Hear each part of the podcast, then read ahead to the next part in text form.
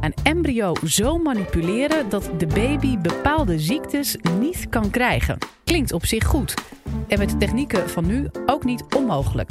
Maar hoe zit het eigenlijk met de ethische kant van dit verhaal? Nou, dat hoor je van medisch ethicus Annelien Bredenoord van Universiteit Utrecht als zij ingaat op de vraag: mogen ouders in de toekomst een kind zonder ziektes samenstellen? Dit is de Universiteit van Nederland. Een superbabe. Zo werd de allereerste IVF-baby genoemd.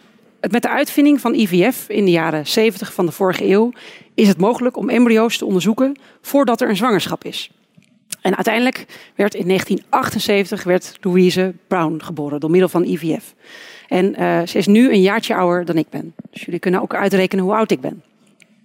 En destijds, hè, met de geboorte van uh, de, deze superbabe, Louise Brown, was het echt wereldnieuws. Het was echt op alle voorpagina's van kranten. En mensen waren ook echt gechoqueerd. En inmiddels wordt ongeveer in de westerse wereld 1 op de 30 kinderen geboren door middel van IVF. He, zo zie je hoe dat in de loop van de tijd, in uh, ongeveer 36 jaar, hoe dat veranderd is. En, en als je embryo's uh, in het lab, buiten de baarmoeder, kunt bevruchten, dan kun je uiteindelijk ook besluiten wel, welke je wel en niet terugplaatst in de baarmoeder. En doordat ook de genetische technologie heel erg ontwikkeld is, kun je ook nog besluiten of je een van de cellen van het embryo genetisch gaat testen. Wat je daarmee kan doen is, hè, dat als het in het stadium is van acht cellen, kan er één celletje uitgenomen worden. Die kan genetisch onderzocht worden. En dan kan er besloten worden welke embryo's wel of niet teruggeplaatst worden. En we noemen dat embryoselectie of pre-implantatie genetische diagnostiek. En op dit moment wordt embryoselectie altijd gedaan voor één ziekte. Dus er wordt bij ouders wordt er gekeken naar, naar één ziekte. En dan wordt er besloten of er wel of niet embryoselectie gedaan wordt. Maar in de toekomst, door de ontwikkeling van die genetische technologie, gaat het mogelijk worden om veel meer van het embryo te onderzoeken. En de vraag is natuurlijk, hoe ver willen we daarin gaan? En op dit moment ehm, ja, dan komt er een stel, komt er bij de dokter en ze weten op dat moment al dat ze een erfelijke ziekte hebben. Bijvoorbeeld omdat ze daar zelf in de familie mee te maken hebben gehad. Of omdat ze al een kind hebben gekregen dat ziek is of dat helaas is overleden. dus op dit moment is het bij mensen eigenlijk altijd wel duidelijk of ze wel of niet gebruik moeten maken van embryoselectie. en het, het gaat vaak om verdrietige situaties. En in Nederland is nu afgesproken dat in principe de arts en de patiënt samen kunnen besluiten. Uiteraard natuurlijk wel volgens bepaalde wettelijke regels. Maar ze mogen samen besluiten of embryoselectie wel of niet passend en geschikt is. En als ze er niet uitkomen, of als het gaat om een heel nieuwe indicatie, dan wordt het voorgelegd aan een landelijke commissie, de Landelijke Indicatiecommissie Pre-implantatie Genetische Diagnostiek. En dat is eigenlijk een moeilijk woord uh, voor de, commissie die kijkt of een nieuwe toepassing van embryoselectie, of het past binnen het wettelijke kader en ethisch verantwoord is. Ik zit zelf ook in die commissie. En je kan je voorstellen dat het selecteren van embryo's, dat dat gepaard gaat met ethische aandachtspunten. Waarom doen we het wel? Hè? Dus waarom is het uiteindelijk in Nederland goedgekeurd? Nou, dat heeft te maken met het voorkomen van lijden. Zoals ik al eerder zei, het gaat eigenlijk altijd om situaties, om families waar al een bekend erfelijk probleem is. Waarom zou je het niet doen? Hè? Of wat zijn morele bezwaren van embryoselectie? Nou, dat heeft bijvoorbeeld te maken met de morele status van het embryo. Hè, dus hoe je zo'n embryo waardeert, hoe je daar tegenaan kijkt. Hè, de, omdat een deel van de embryo's dus na de selectie weggegooid wordt. Uh, je zou kunnen zeggen dat het soms botst met de belangen van mensen met een handicap. Of mensen met een bepaalde ziekte. Omdat er natuurlijk wel naar de ene ziekte gekeken wordt en niet naar een andere ziekte. Uh, er wordt ook wel eens gezegd dat er dan sprake zou zijn van een hellend vlak.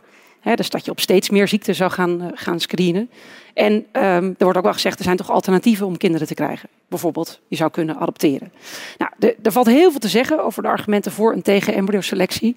Maar op dit moment is er, uh, in ieder geval in West-Europa, is er toch wel een soort van consensus dat uiteindelijk embryoselectie ethisch goed te verdedigen is.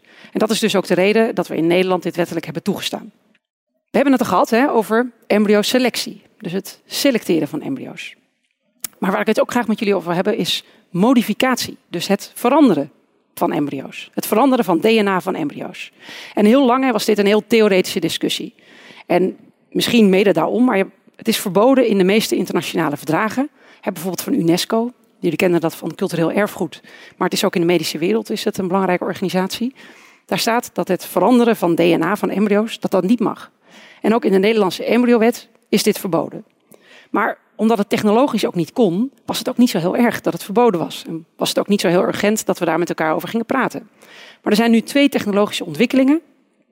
Uh, waardoor modificatie, dus het veranderen van embryo's, weer in de belangstelling staat. En ik begin met de techniek die heet mitochondriële gendonatie. Ook dat is een mond vol, dus dat ga ik uitleggen. Als mensen denken aan DNA, aan erfelijk materiaal, dan denk je eigenlijk altijd automatisch praten we dan over ons kern-DNA. En het kern-DNA, dat is 99,9% van ons erfelijk materiaal. En eigenlijk is dat hetgene wat maakt dat jij jij bent en jij jij. Maar wat veel mensen niet weten, is dat we nog een stukje DNA hebben. En dat is het mitochondrieel DNA. En feitelijk, om het ei heen in het eiwit, het cytoplasma, daarop liggen mitochondriën. En mitochondriën zijn eigenlijk de, de energiefabriekjes van de cel. En die energiefabriekjes die hebben zelf ook een klein stukje DNA. Hè, dat is, het is maar 0,1 procent. Maar als er een foutje zit in dat klein stukje DNA van die mitochondriën, dan kan dat hele vervelende consequenties hebben. En dat leidt dan tot wat we noemen mitochondriële ziekte. En ik denk dat de meeste mensen de term mitochondriële ziekte niet kennen, maar het leidt tot allerlei aandoeningen in organen of onderdeel van het lichaam die heel veel energie nodig hebben. Denk dan aan eh, het hart, aan spierziekten, aan aandoeningen van de hersenen en aan aandoeningen van de ogen. dus ik waarschijnlijk kennen heel veel mensen de verschijnselen wel, maar de onderliggende naam, mitochondriële ziekte, is waarschijnlijk wat minder bekend. Nou, wat zou je nou kunnen doen voor een vrouw die drager is van een mitochondriële ziekte? Dat is een, uh, altijd een, uh, een, een overerving via de vrouw. Wat zou je nou kunnen doen om haar te helpen om gezonde, maar wel genetisch eigen kinderen te krijgen? Nou, daarvoor is mitochondriële gendonatie in de toekomst wellicht een optie. En wat je daar eigenlijk doet, je vraagt aan de vrouw die zwanger wil worden, vraag je eigenlijk daar, daarbij gebruik je een, een, een eicel. Dus hier heb je dan de kern, en hier heb je dan de, de, eromheen de, het cytoplasma met de mitochondriën. En je vraagt of er een eiceldonor is. Dus een vrouw die haar eicel doneert. En wat je vervolgens doet, je haalt de kern haal je uit de eicel van de vrouw die zwanger wil worden. En die verplaats je vervolgens naar die gedoneerde eicel. Wat je vervolgens krijgt is een nieuwe geconstrueerd eicel. Waar dus het gezonde mitochondrieel DNA van een donor zit. En het kern-DNA van de moeder. Vervolgens wordt dat bevrucht met zaad van de man die vader wil worden. En dan heb je dus, er komt daaruit een kind met de kerngenen van de wensouders. En een heel klein beetje mitochondrieel DNA van een donor. Deze techniek die is in maart 2015 is die goedgekeurd door het Britse parlement. En dat zou dus betekenen hè, dat dat het eerste land is ter wereld wat uh, een, een kind tot stand gaat brengen met ten eerste het DNA van drie mensen. Dat zou echt een primeur zijn. Maar ook een embryo waarvan het DNA dus gewijzigd is.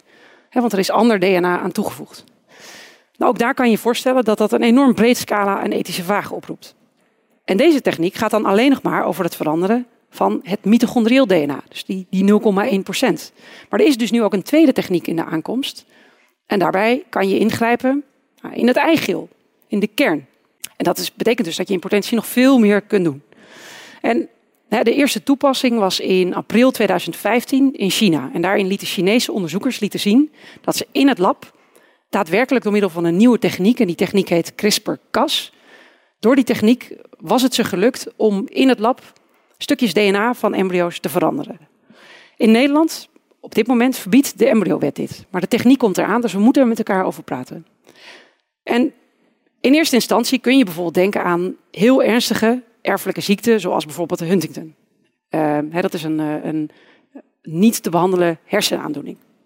Of je kunt denken aan uh, erfelijke borstkanker of thijslijmziekte. Dus echt strikt ernstige medische ziekten. Wie vindt dat in principe aanvaardbaar? Maar je zou ook nog kunnen denken aan medische verbeteringen. dus dat je niet zozeer een ernstige ziekte voorkomt, maar dat je misschien iets toevoegt aan een embryo. Denk bijvoorbeeld aan uh, resistentie tegen malaria.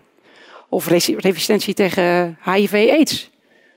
Nou, dit zijn dan medische verbeteringen. Um, ik zou nog kunnen denken aan niet-medische verbeteringen. Denk bijvoorbeeld aan lengte, homoseksualiteit, uh, intelligentie. Wie vindt dat aanvaardbaar? Hè? Nou, ik zou jullie geruststellen. Wetenschappers weten alleen waar de mutaties liggen voor heel ernstige erfelijke ziekten. en de meeste dingen die ons ons maakt, die onze identiteit bepaalt, uh, dat, dat, ligt niet op één gen, maar dat ligt op heel veel genen en wordt ook nog bepaald door omgeving. Dus in die zin, ik stel jullie gerust, bepaalde dingen kunnen nu niet, kunnen nooit niet.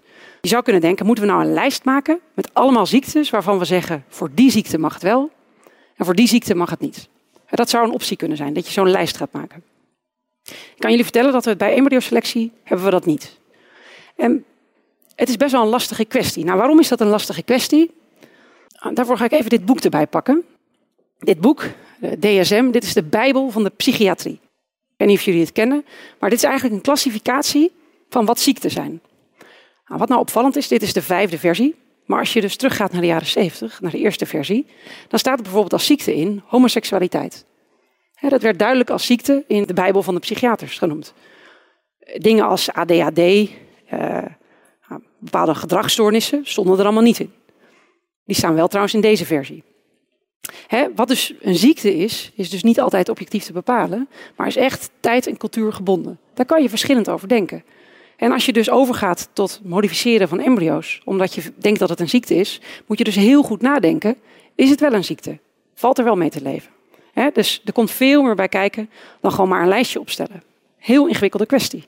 Wat mij betreft is er eigenlijk in de voortplanting nooit echt een plicht. want echte vrijheid, vrijheid betekent natuurlijk dat mensen zelf hun afwegingen moeten maken. En de enige vraag die je telkens moet stellen is de kwaliteit van leven van het toekomstige kind. Is die goed genoeg? En of je dat nou zelf beslist thuis of met behulp van een dokter. Is de kwaliteit van leven van het kind is het goed genoeg? En er zijn ook in het verleden zijn er wel voorbeelden van bemoeienis met de overheid, met het krijgen van kinderen. de, denk bijvoorbeeld in, in Scandinavië, uh, in de Verenigde Staten, daarna natuurlijk in Nazi-Duitsland. En ik denk dat niemand daar fijne herinnering aan heeft. dus hoe ver mag je nou eigenlijk gaan met het krijgen van een gezond kind? Nou, wat mij betreft mag je daar heel ver mee gaan. Als je maar wel telkens aan bepaalde voorwaarden voldoet.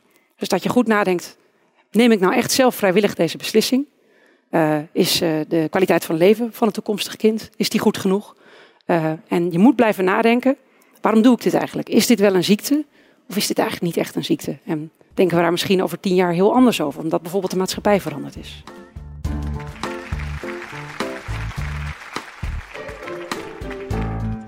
Dit was de Universiteit van Nederland. Wil je nou nog meer wetenschappelijke antwoorden op spannende vragen? Check dan de hele playlist.